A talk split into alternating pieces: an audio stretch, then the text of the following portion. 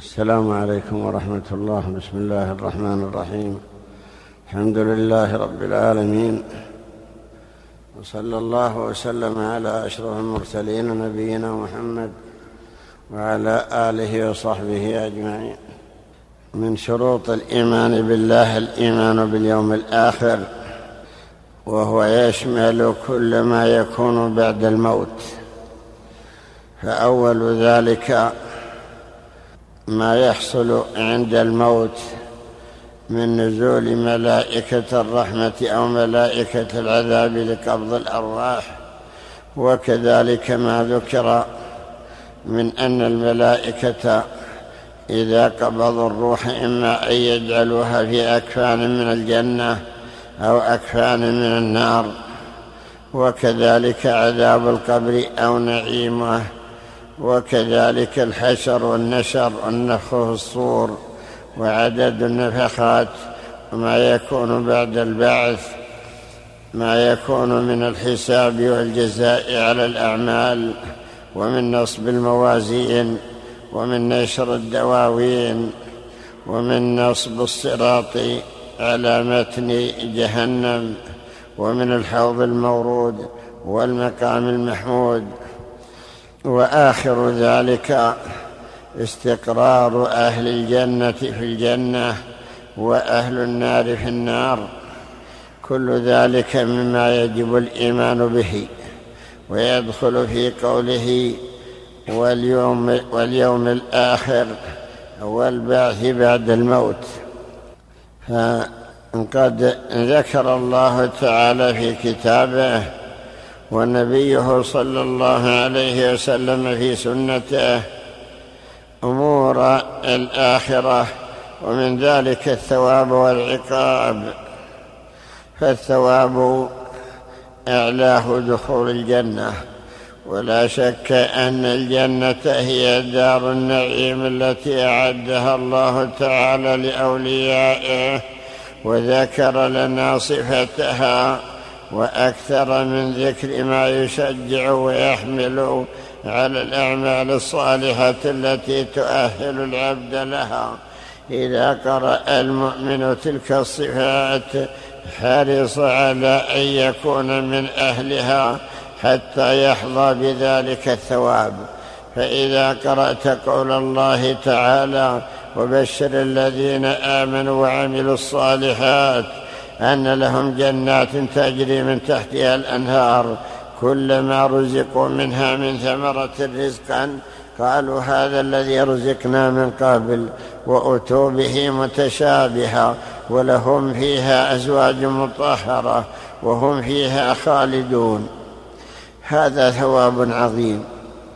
جعله الله لهؤلاء الذين وصفهم. وبشر الذين آمنوا وعملوا الصالحات.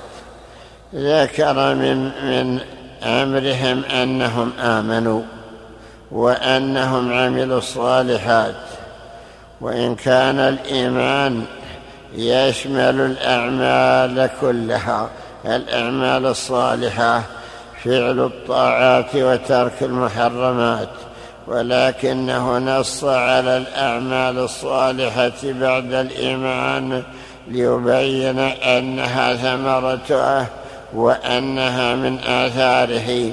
وكذلك أيضا ذكر سبحانه أن هذه أن هذه الجنة لهؤلاء ولم يقل جنه بل قال جنات.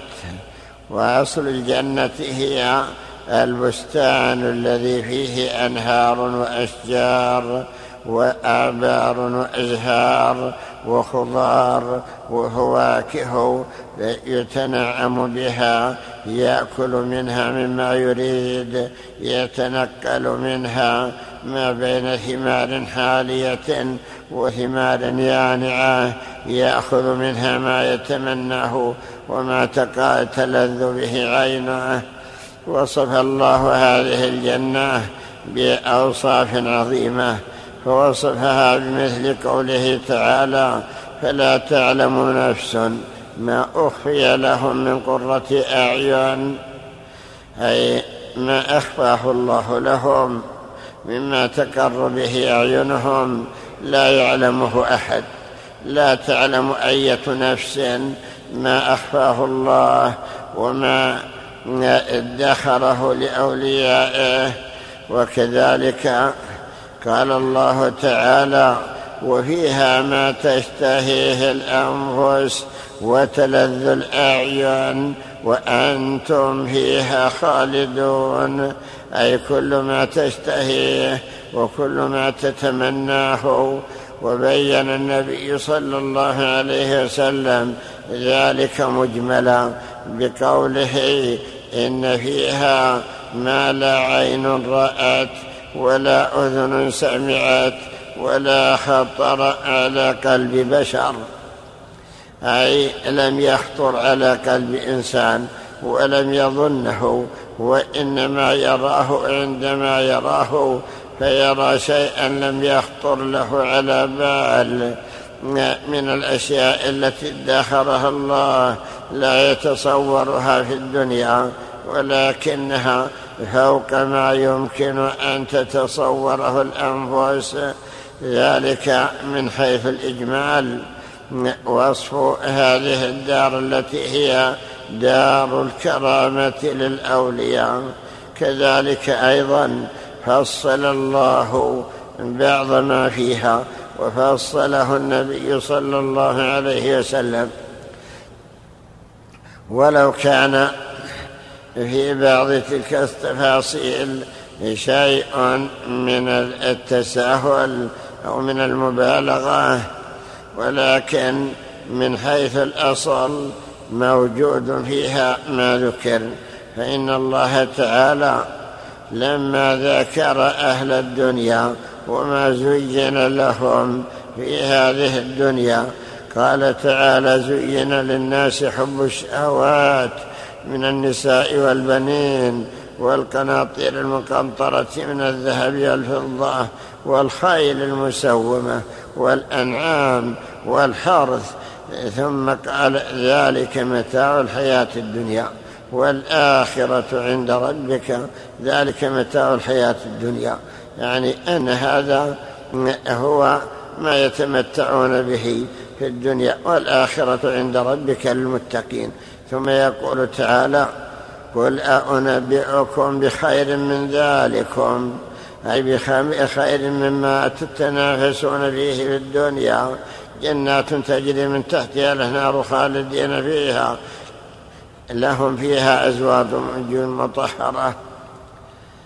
أي هذا حوابهم وأنه خير مما زين لهم في الدنيا فلما ذكر ما يتنافس فيه أهل الدنيا ذكرهم بما هو خير من ذلك وهو ما يجب أن يتنافسوا فيه وهو, وهو أنهم إذا تنافسوا في الأعمال الصالحة كان أجرهم وثوابهم. هذه الجنات التي تجري من تحتها الأنهار والتي لهم فيها ما يشاءون والتي ذكر الله أنهم خالدون فيها. وقد ذكر الله بعض ما فيها على وجه التفصيل في سورة الرحمن. فذكر أن هنا أربع جنات. الجنتان الأوليان وصفهما بأبلغ الصفات في قوله تعالى فيهما عينان تجريان. هذا دليل على فضلهما. العينان تجريان يعني تجري وتسيح من غير أن يكون لها أخدود تجري من تحتها الأنهار. ثم قال فيهما من كل فاكهة زوجان.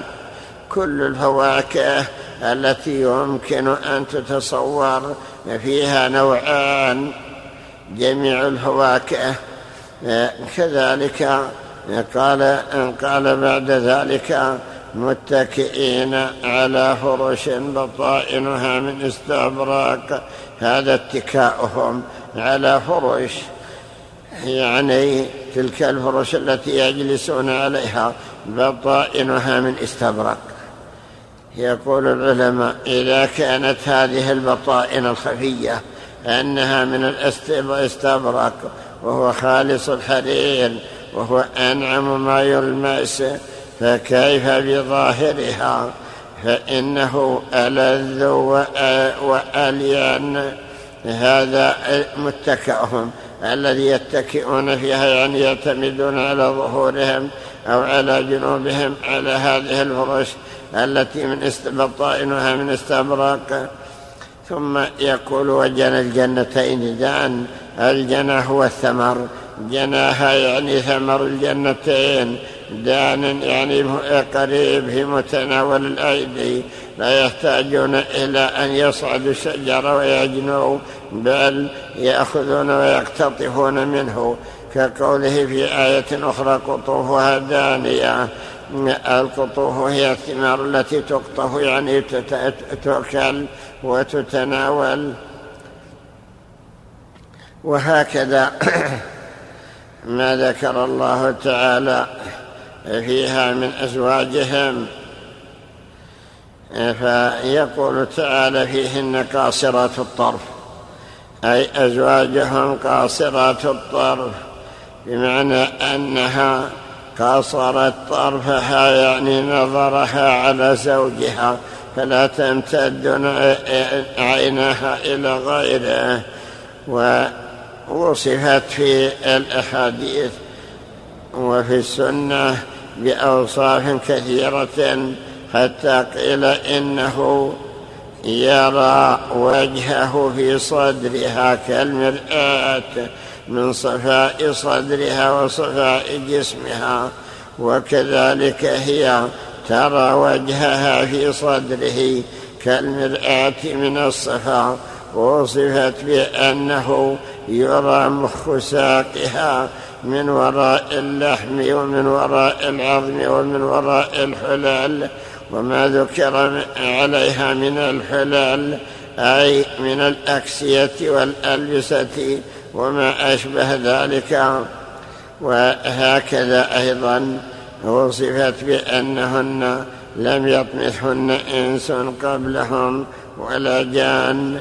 هذا تشويق للعباد إلى أن يعملوا الأعمال الصالحة التي يحظون فيها بهذا الثواب العظيم. وما ذكر أيضا من الأنهار الجارية التي فيها كقوله تعالى فيها أنهار من ماء غير آس يعني لا يتغير ولو طالت مدة بقائه. بخلاف ماء الدنيا فإنه إذا بقي أياما في القدح يأسن يعني يظهر له لون متغير ورائحة متغيرة فماء الجنة مع كونه عذبا يكون غير آس هذا معلوم أن الأنهار التي تجري لا تتغير ولكن إذا أخذ من تلك الأنهار في الأقداح وبقي أياما فإنه لا يأسن ولا يتغير. كذلك أنهار من لبن لم يتغير طعمه. يبقى على طعمه اللذيذ ولو بقي مدة مما شاء الله تعالى. لا يلزم أن يكون من ضروع الحيوانات بل مما يجريه الله تعالى ومما, ومما ييسره. وأنهار من خمر لذة للشاربين ليست كخمر الدنيا. لا فيها غول ولا هم عنها ينزفون. يقول تعالى وكأسا دهاقا لا يسمعون فيها لغوا ولا كذابا أي شرابا يشربونه في كؤوس ولا يحصل فيه ما يحصل في الدنيا من اللغو ومن الكذب ومن الغول الذي هو تغير العقل وما أشبه ذلك. وكذلك أنهار من عسل مصفى أي أنه في غاية الشراب مصفا أي صافي ليس فيه ما يشوبه ولا ما يكدره. كل جميع الأشربة التي يمكن أن تشرب وتتصور توجد في الدنيا توجد في الآخرة. وإن كانت موجودة في الدنيا ورد عن ابن عباس أنه قال ليس في الدنيا مما في الجنة إلا الأسماء. يعني أنها تتفق في الاسم ولكنها تختلف في الحقائق فبينها فرق كبير. فإذا عرفنا أن في الجنة أشجار فليست كأشجار الدنيا.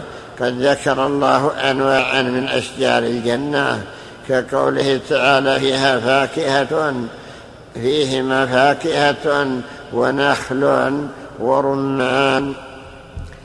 النخل موجود في الدنيا وموجود في الجنة ولكن يتفقان في الاسم ولكن بينهما فرق كبير.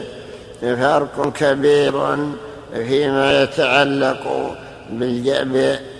بنعيم أو نخل الجنة. ليس هو قريبا ولا مقاربا لنخل الدنيا.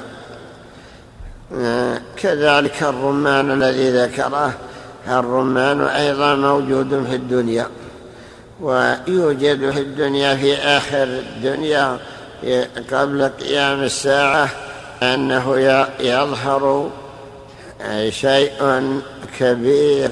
حتى قال النبي صلى الله عليه وسلم أن الله تعالى يبارك في الرسل في آخر الدنيا.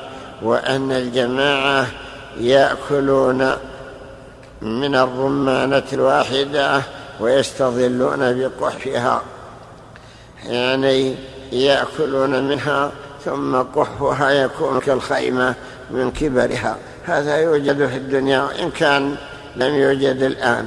فكيف برمان الجنة؟ لا شك أنه أعظم وأجل. وكذلك ذكر الله تعالى أن فيها أعناب وهي أيضا موجودة في الدنيا ولكنها تتفق في الأسماء وتختلف اختلافا كبيرا في الحقائق وهكذا بقية الثمار. فقد ذكر الله تعالى أن فيها من كل فاكهة زوجان. كل الفواكه موجودة في الدنيا فإنه يكون في الجنة منها زوجان يعني نوعان. ولكن بينها وبين ما يوجد في الدنيا فرق كبير.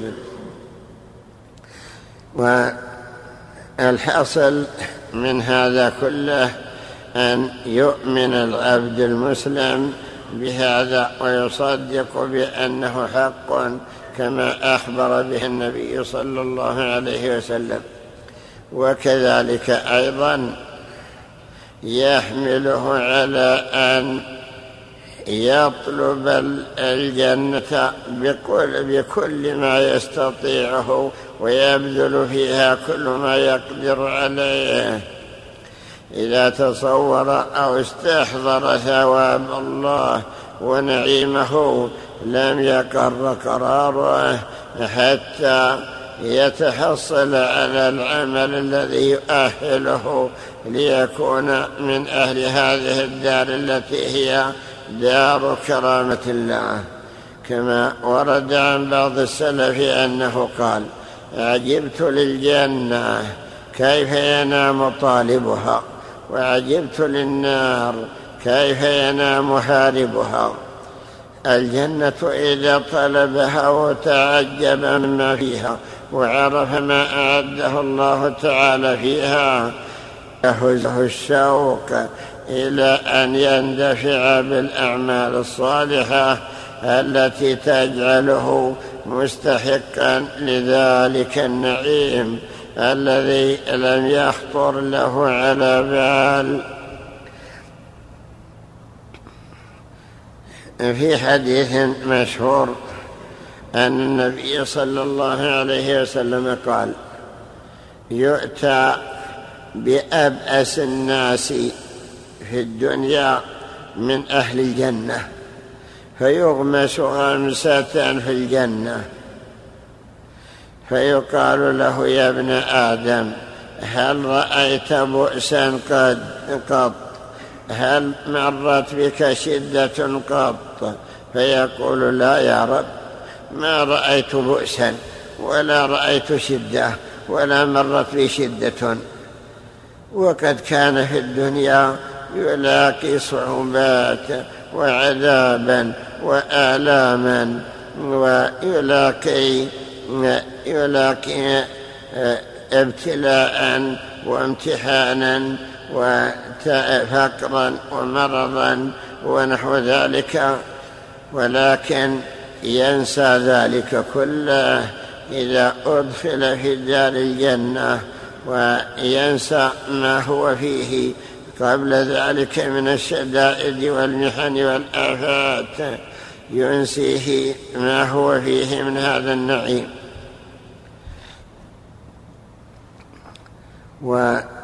وكذلك أيضا قد بين النبي صلى الله عليه وسلم أن هذه الجنة حفت بالمكاره ما يصل إليها ولا يستحقها إلا بعد أن تمر به الصعوبات وأن يحصل على شدائد وعلى عقوبات وعلى أمراض وعاهات وشدائد ابتلاء من الله تعالى وامتحانا له هل يتحمل ويصبر أم لا.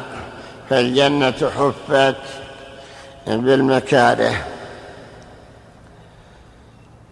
وأخبر النبي صلى الله عليه وسلم أن أهلها قليل. في الحديث المشهور أن الله تعالى يقول لآدم إن الله يأمرك أن تبعث من ذريتك بعثا إلى النار. فيقول يا ربي من كم؟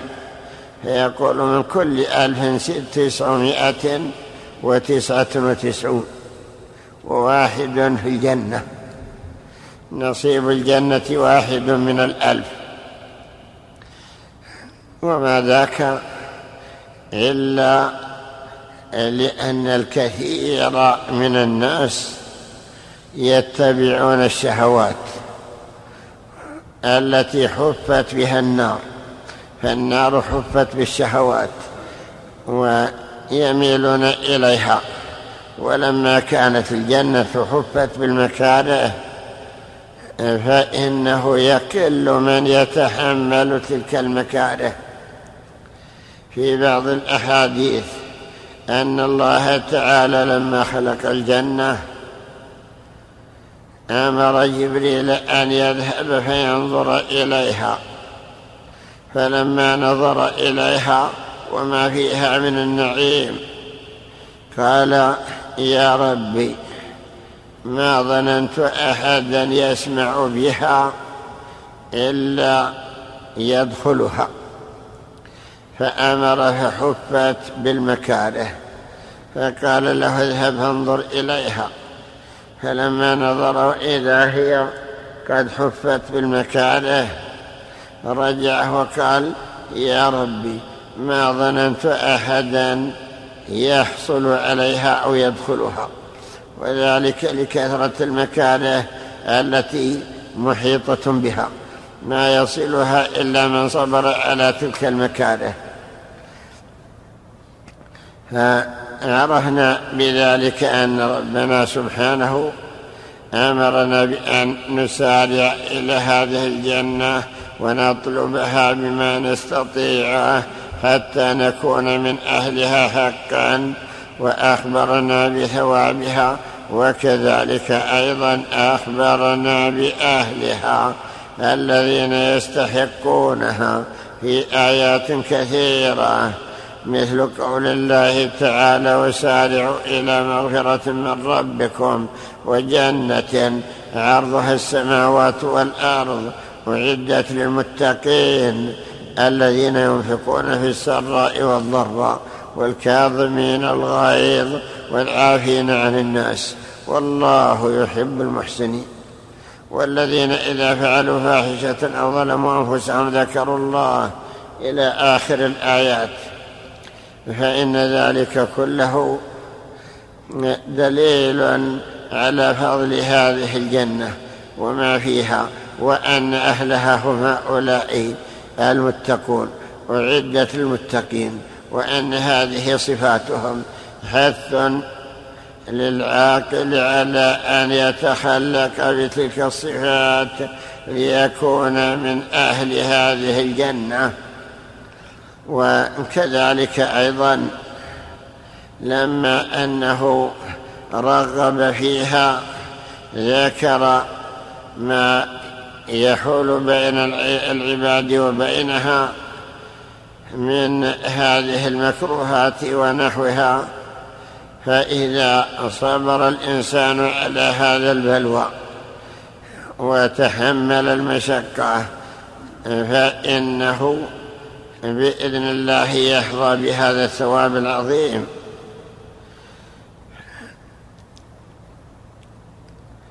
معلوم مثلا أن من ثمنها الجهاد الذين بذلوا أنفسهم في سبيل الله وتعرضوا للقتل وبذلوا أموالهم لأنهم صدقوا بأن ثمنها الجنة. صدقوا قول الله تعالى إن الله اشترى من المؤمنين أنفسهم وأموالهم بأن لهم الجنة.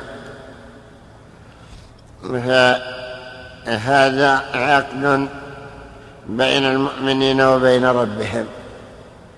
اشترى من المؤمنين أنفسهم بدأ بالأنفس ثم بالأموال. المشتري هو الله تعالى والبائع هو المؤمنون والمبيع السلعة هي النفس والمال والثمن الجنة والوثيقة الكتب السماوية وعدا عليه حقا في التوراة والإنجيل والقرآن. أي في هذه الكتب وعدا عليه حقا وعدهم بهذا. فلما أن صدقوا بهذا وباعوا أنفسهم على ربهم عند ذلك قدموا أنفسهم رخيصة. رخصت عندهم أنفسهم ورخصت عندهم أموالهم وقالوا كيف نخسر دار الكرامة؟ كيف نخسر الجنة؟ أنفسنا وأموالنا رخيصة بالنسبة إلى الجنة التي هي سلعه الله تعالى. لماذا لا نبذل الثمن في تحصيل هذه السلعه العظيمة؟ وهي سلعه الله تعالى. يقول النبي صلى الله عليه وسلم ألا إن سلعة الله غالية؟ ألا إن سلعة الله الجنة؟ ويقول ابن القيم يا سلعة الرحمن لست رخيصة بل أنت غالية على الكسلان. يا سلعة الرحمن ليس ينالها في الألف إلا واحد لاثنان فهي سلعة الله وهي سلعة غالية ولكن ما ينالها إلا أهلها هم الذين يبذلون الثمن رخيصا ليحصل لهم هذا المثمن العظيم. ثم نعرف أن المؤمنين الذين صدقوا بهذا الثواب وبهذه الجنة لا يتعظمون ذلك ولو استنكرته بعض النفوس بعض النفوس وبعض الشكاك يقولون كيف يكون هذا في الجنة؟ كيف تكون الجنة؟ لا تفنى ثمارها ولا يفنى نعيمها ولا يبلى شبابها وكيف تكون هذه الأنهار من غير أن تحتاج إلى سقي من غير أن تحتاج الاشجار إلى حفر جداول تسقى إليها. وكيف تكون هذه الثمار تتدلى دون أن يصعد إليها؟ وكيف تكون الثمار حالية لا تتغير؟ وما أشبه ذلك؟ أنكر ذلك كثير. ولا يزالون. ينكرون مثل ذلك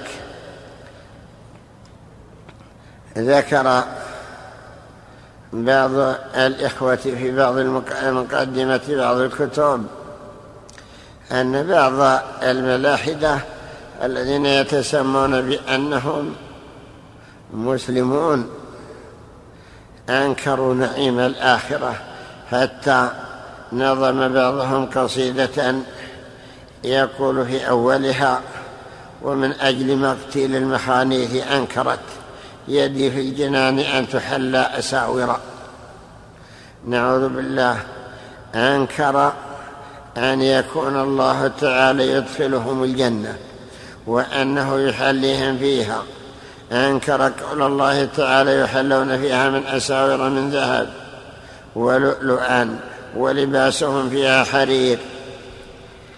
وما ذاك إلا لضعف العقول ولنقص المعرفة أو لضعف التصور حيث قالوا كيف يتصور أنهم يلبسون هذا الحلي والحلي إنما يلبسه الرجال والحرير إنما يلبسه النساء وكذلك الحرير وما أشبه ذلك للزينة وما دروا أن الله تعالى يحلي أهل الجنة بهذا لكرامتهم ولأنه دليل على مكانتهم وعلى شرفهم.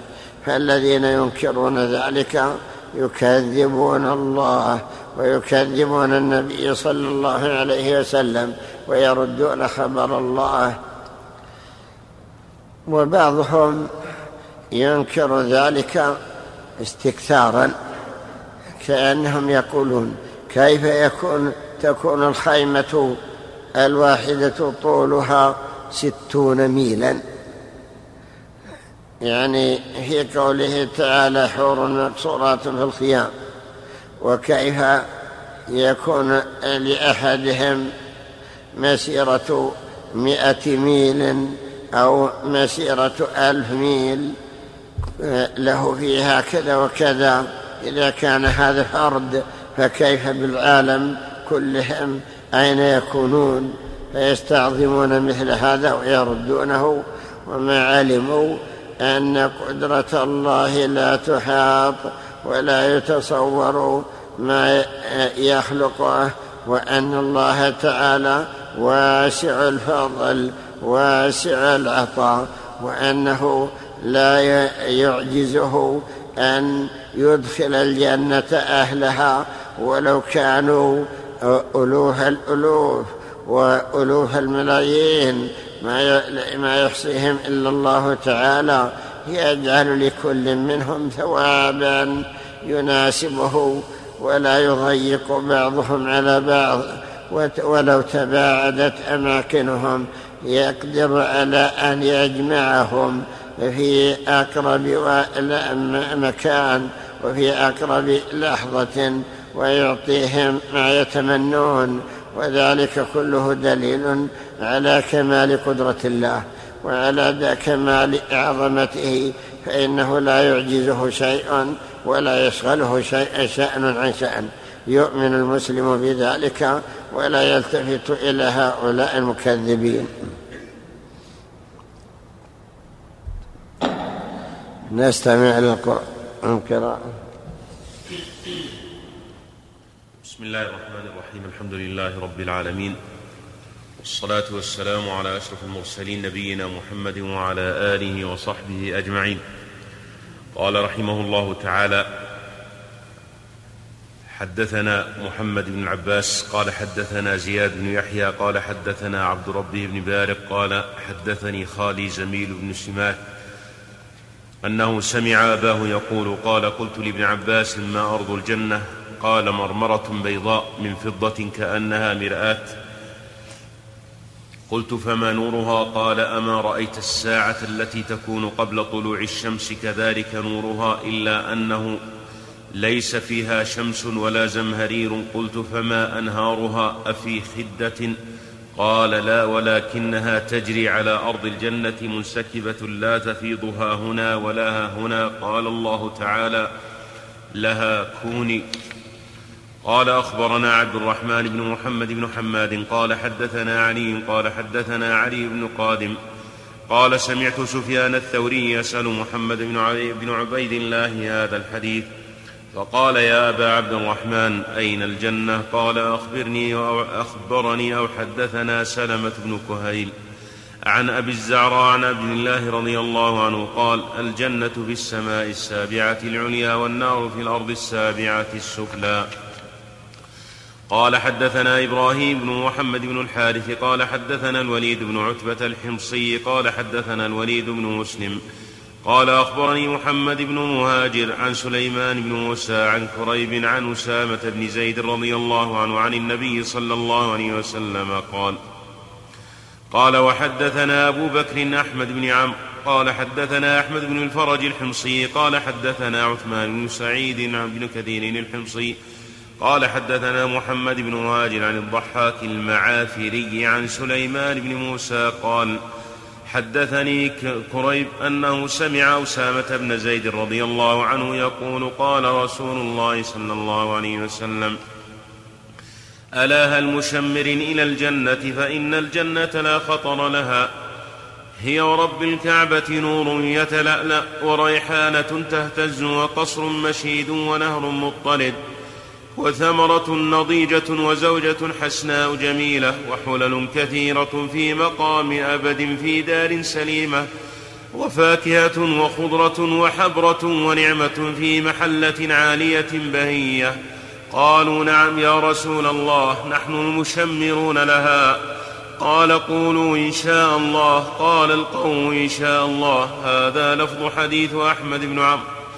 قال حدثنا موسى بن سعيد البزار قال حدثنا حامد بن يحيى البلخي قال حدثنا يونس بن محمد المؤدب قال حدثنا الوليد بن أبي ثور قال حدثنا سعد الطائي أبو مجاهد عن عبد الرحمن بن سابق عن أبي عن ابن أبي أوفى رضي الله عنه قال قال رسول الله صلى الله عليه وسلم يزوج الرجل من أهل الجنة أربعة آلاف بكر وثمانية آلاف ايم ومائة حوراء فيجتمعن في كل سبعة أيام فيقولن بأصوات حزينة. لم يسمع الخلائق بمثلها نحن الخالدات فلا نبيد. ونحن الناعمات فلا نبعس ونحن الراضيات فلا نسخط. ونحن المقيمات فلا نضعن. طوبى لمن كن كان لنا وكنا له.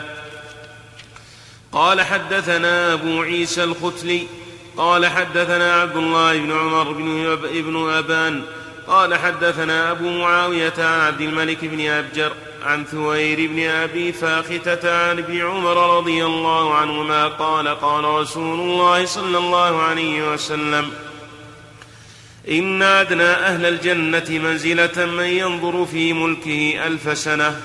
يرى أقصاها كما يرى أدناها وينظر في خدمه وأزواجه وسرره وإن أفضلهم منزلة لمن ينظر في وجه الله كل يوم مرتين. قال أخبرنا أبو يعلى قال قال حدثنا هدبة قال حدثنا حماد بن سلمة قال وحدثنا أبو خيثمة قال حدثنا ابن مهدي قال حدثنا حماد عن ثابت عن أبي رافع عن أبي هريرة رضي الله عنه تعالى رضي الله تعالى عنه قال قال النبي صلى الله عليه وسلم من يدخل الجنة ينعم. لا يباس لا تبلى ثيابه ولا يفنى شبابه. في الجنة ما لا عين رأت ولا أذن سمعت ولا خطر على قلب بشر.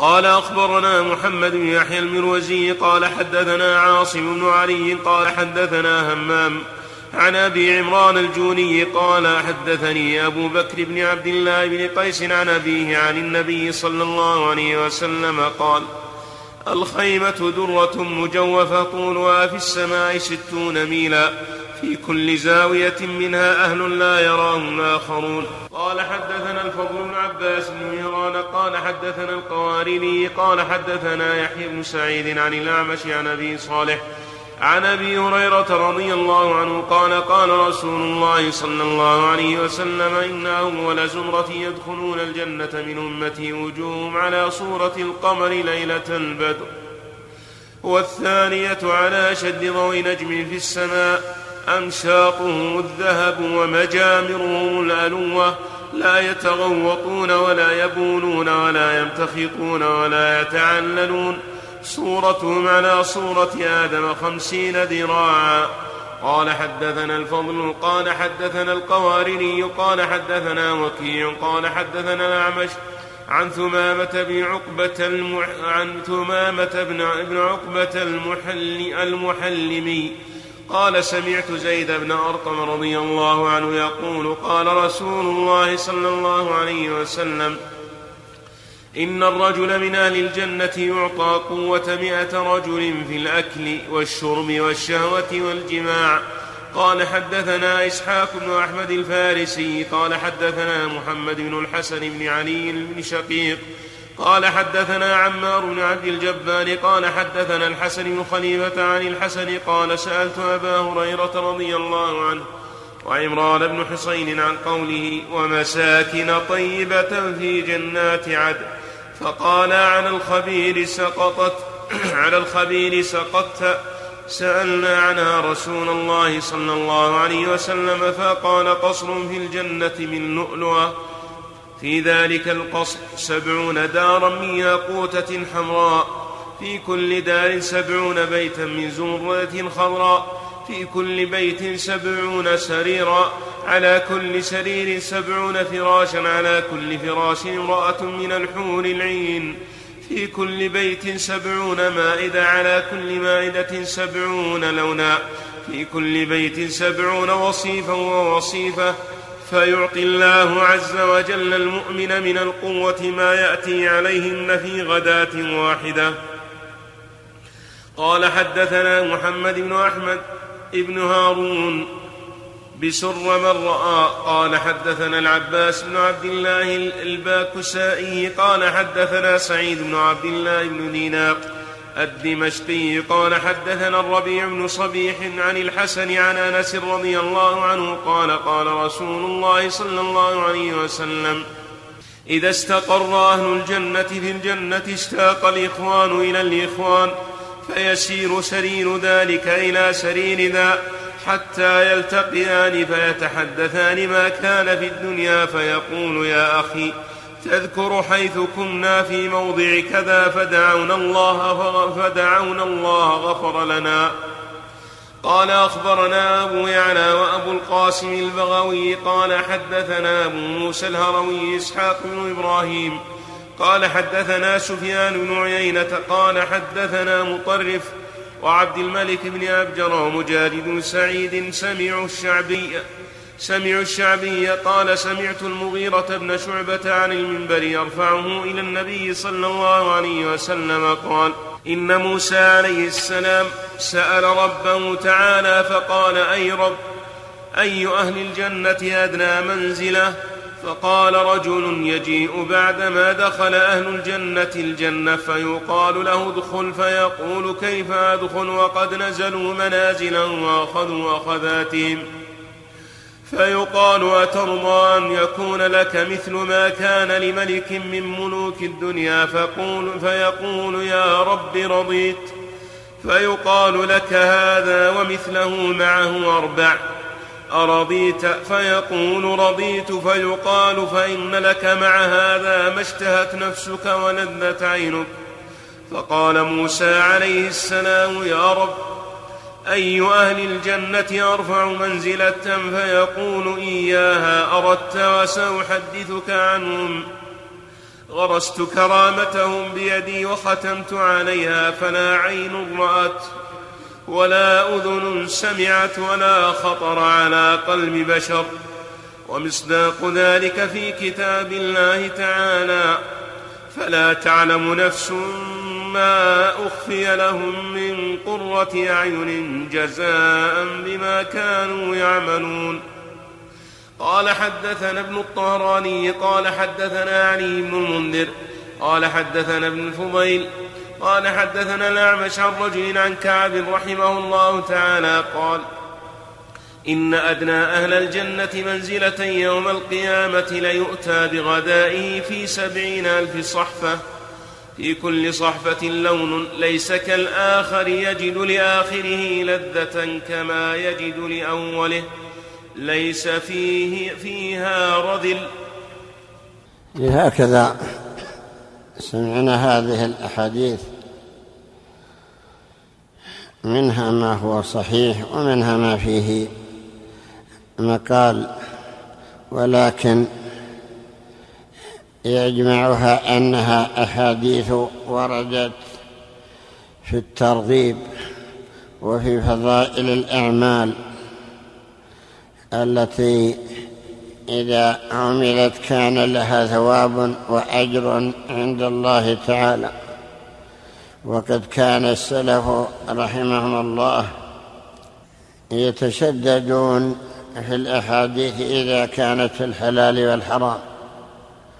وأما إذا كانت في الترغيب والترهيب وفي فضائل الأعمال فإنهم يروونها ويتساهلون في روايتها وكثيرا ما يحيلون القارئ على الأسانيد التي رووها بها ومع ذلك فإن الكثير من هذه الأحاديث يوجد له أصل في الصحيح أو في الكتب المعتمدة التي اعتمدها أهلها وصارت مرجعا للمسلمين في زمان المؤلفين لها وفيما بعدهم.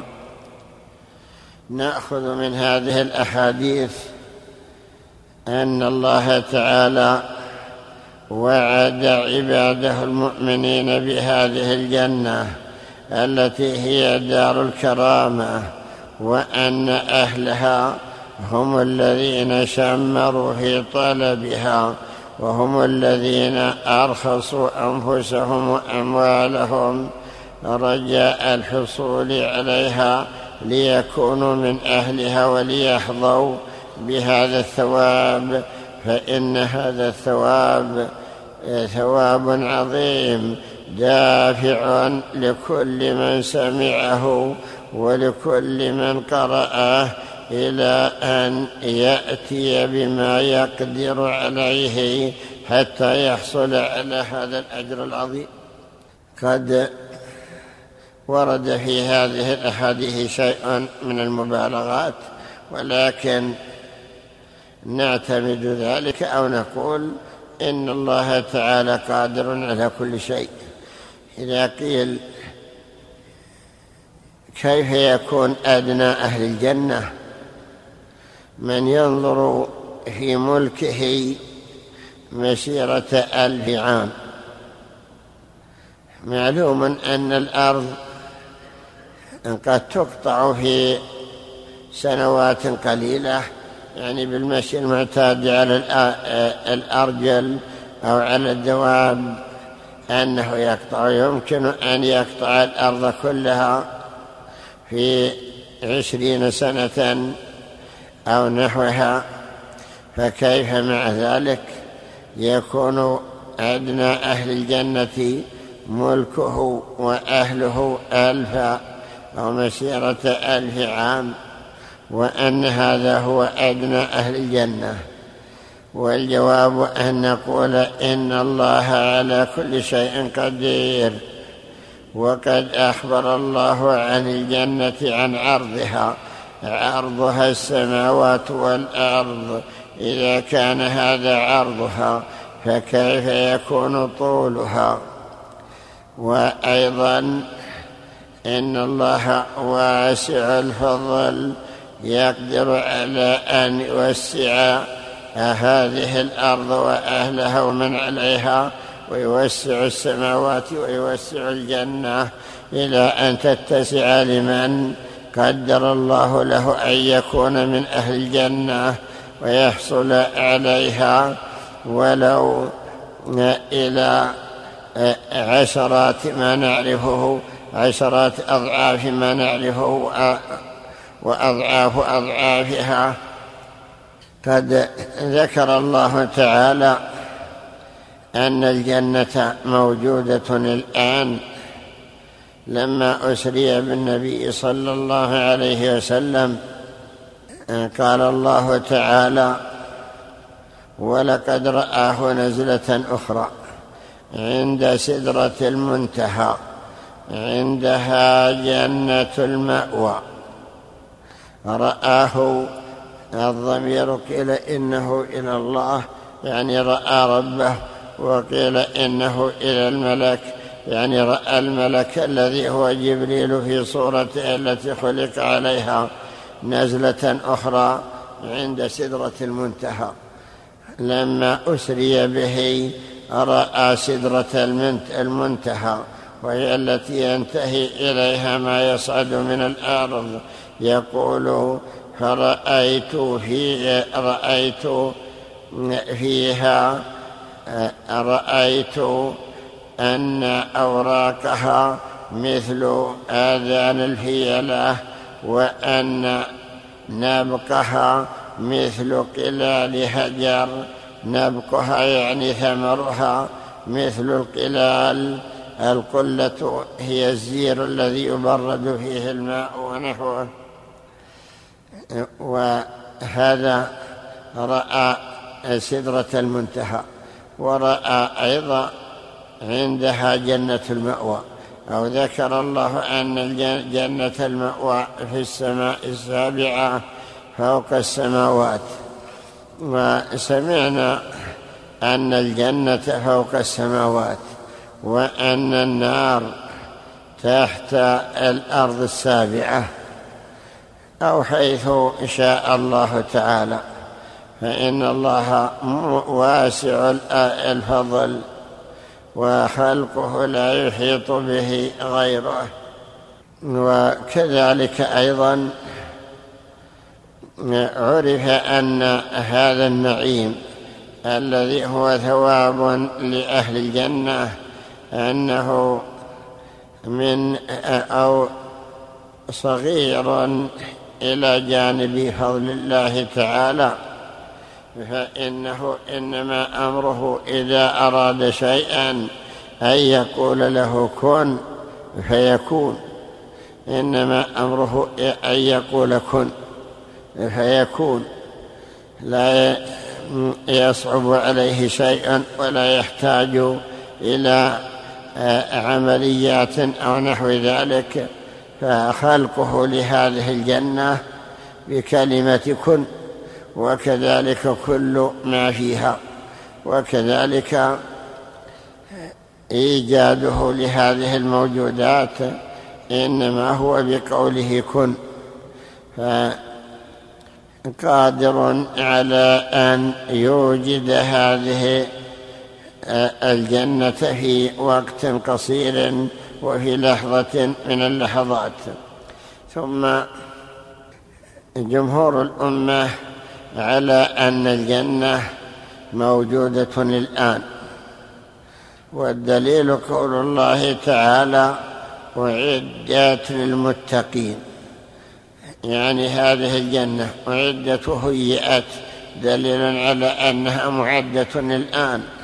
وكذلك قول الله تعالى سابقوا إلى مغفرة من ربكم وجنة عرضها كعرض السماء والأرض أعدت للذين آمنوا بالله ورسله. أعدت يعني هيئت فهي موجودة ومهيئة بما فيها. وقد أنكر بعض المبتدعة وجودها وقالوا لا فائدة في بقائها. الآن وهي مغلقة الأبواب. لا فائدة في خلقها الآن قبل أن يخلق أهلها أو قبل أن يوجدوا. وذلك لأنها تبقى معطلة. تبقى أنهارها. لا ينتفع بها وكذلك أشجارها. وقصورها وحورها وثمارها وزينتها فما الفائدة؟ هكذا عللوا وكذلك يقولون إن الله تعالى قال كل شيء هالك إلا وجهه. فلو كانت موجودة لحكم عليها بالفناء فلا بد أن تفنى وأن يفنى ما فيها. من النبات ومن الأشجار ومن القصور ومن الأنهار ومن الحور ومن الزينة وما أشبه ذلك. هكذا قال هؤلاء. وقد ثبت أن النبي صلى الله عليه وسلم أدخل الجنة قيل إنه دخلها ليلة الإسراء. وثبت أيضا أنه رأى في المنام أنه أدخل الجنة. يقول إني دخلت الجنة وإذا قصر عال قلت لمن هذا؟ قالوا لعمر بن الخطاب. يقول فذكرت غيرتك فبكى عمر وقال أعليك أغار؟ فهذا دليل على أنها موجودة لأنه قد دخلها ولو كان ذلك رؤيا منام. فإن رؤيا الأنبياء وحي ودليل على أن الله أوجدها ولا مانع من أن تبقى إلى أن يبعث لها أهلها. وقد ثبت أيضا أن أرواح الشهداء الذين قتلوا في سبيل الله أنهم في الجنة. قال الله تعالى يستبشرون بنعمة من الله وفضل. فإذا كانوا في الجنة فإنه دليل على أنها موجودة الآن. نكتفي بهذا.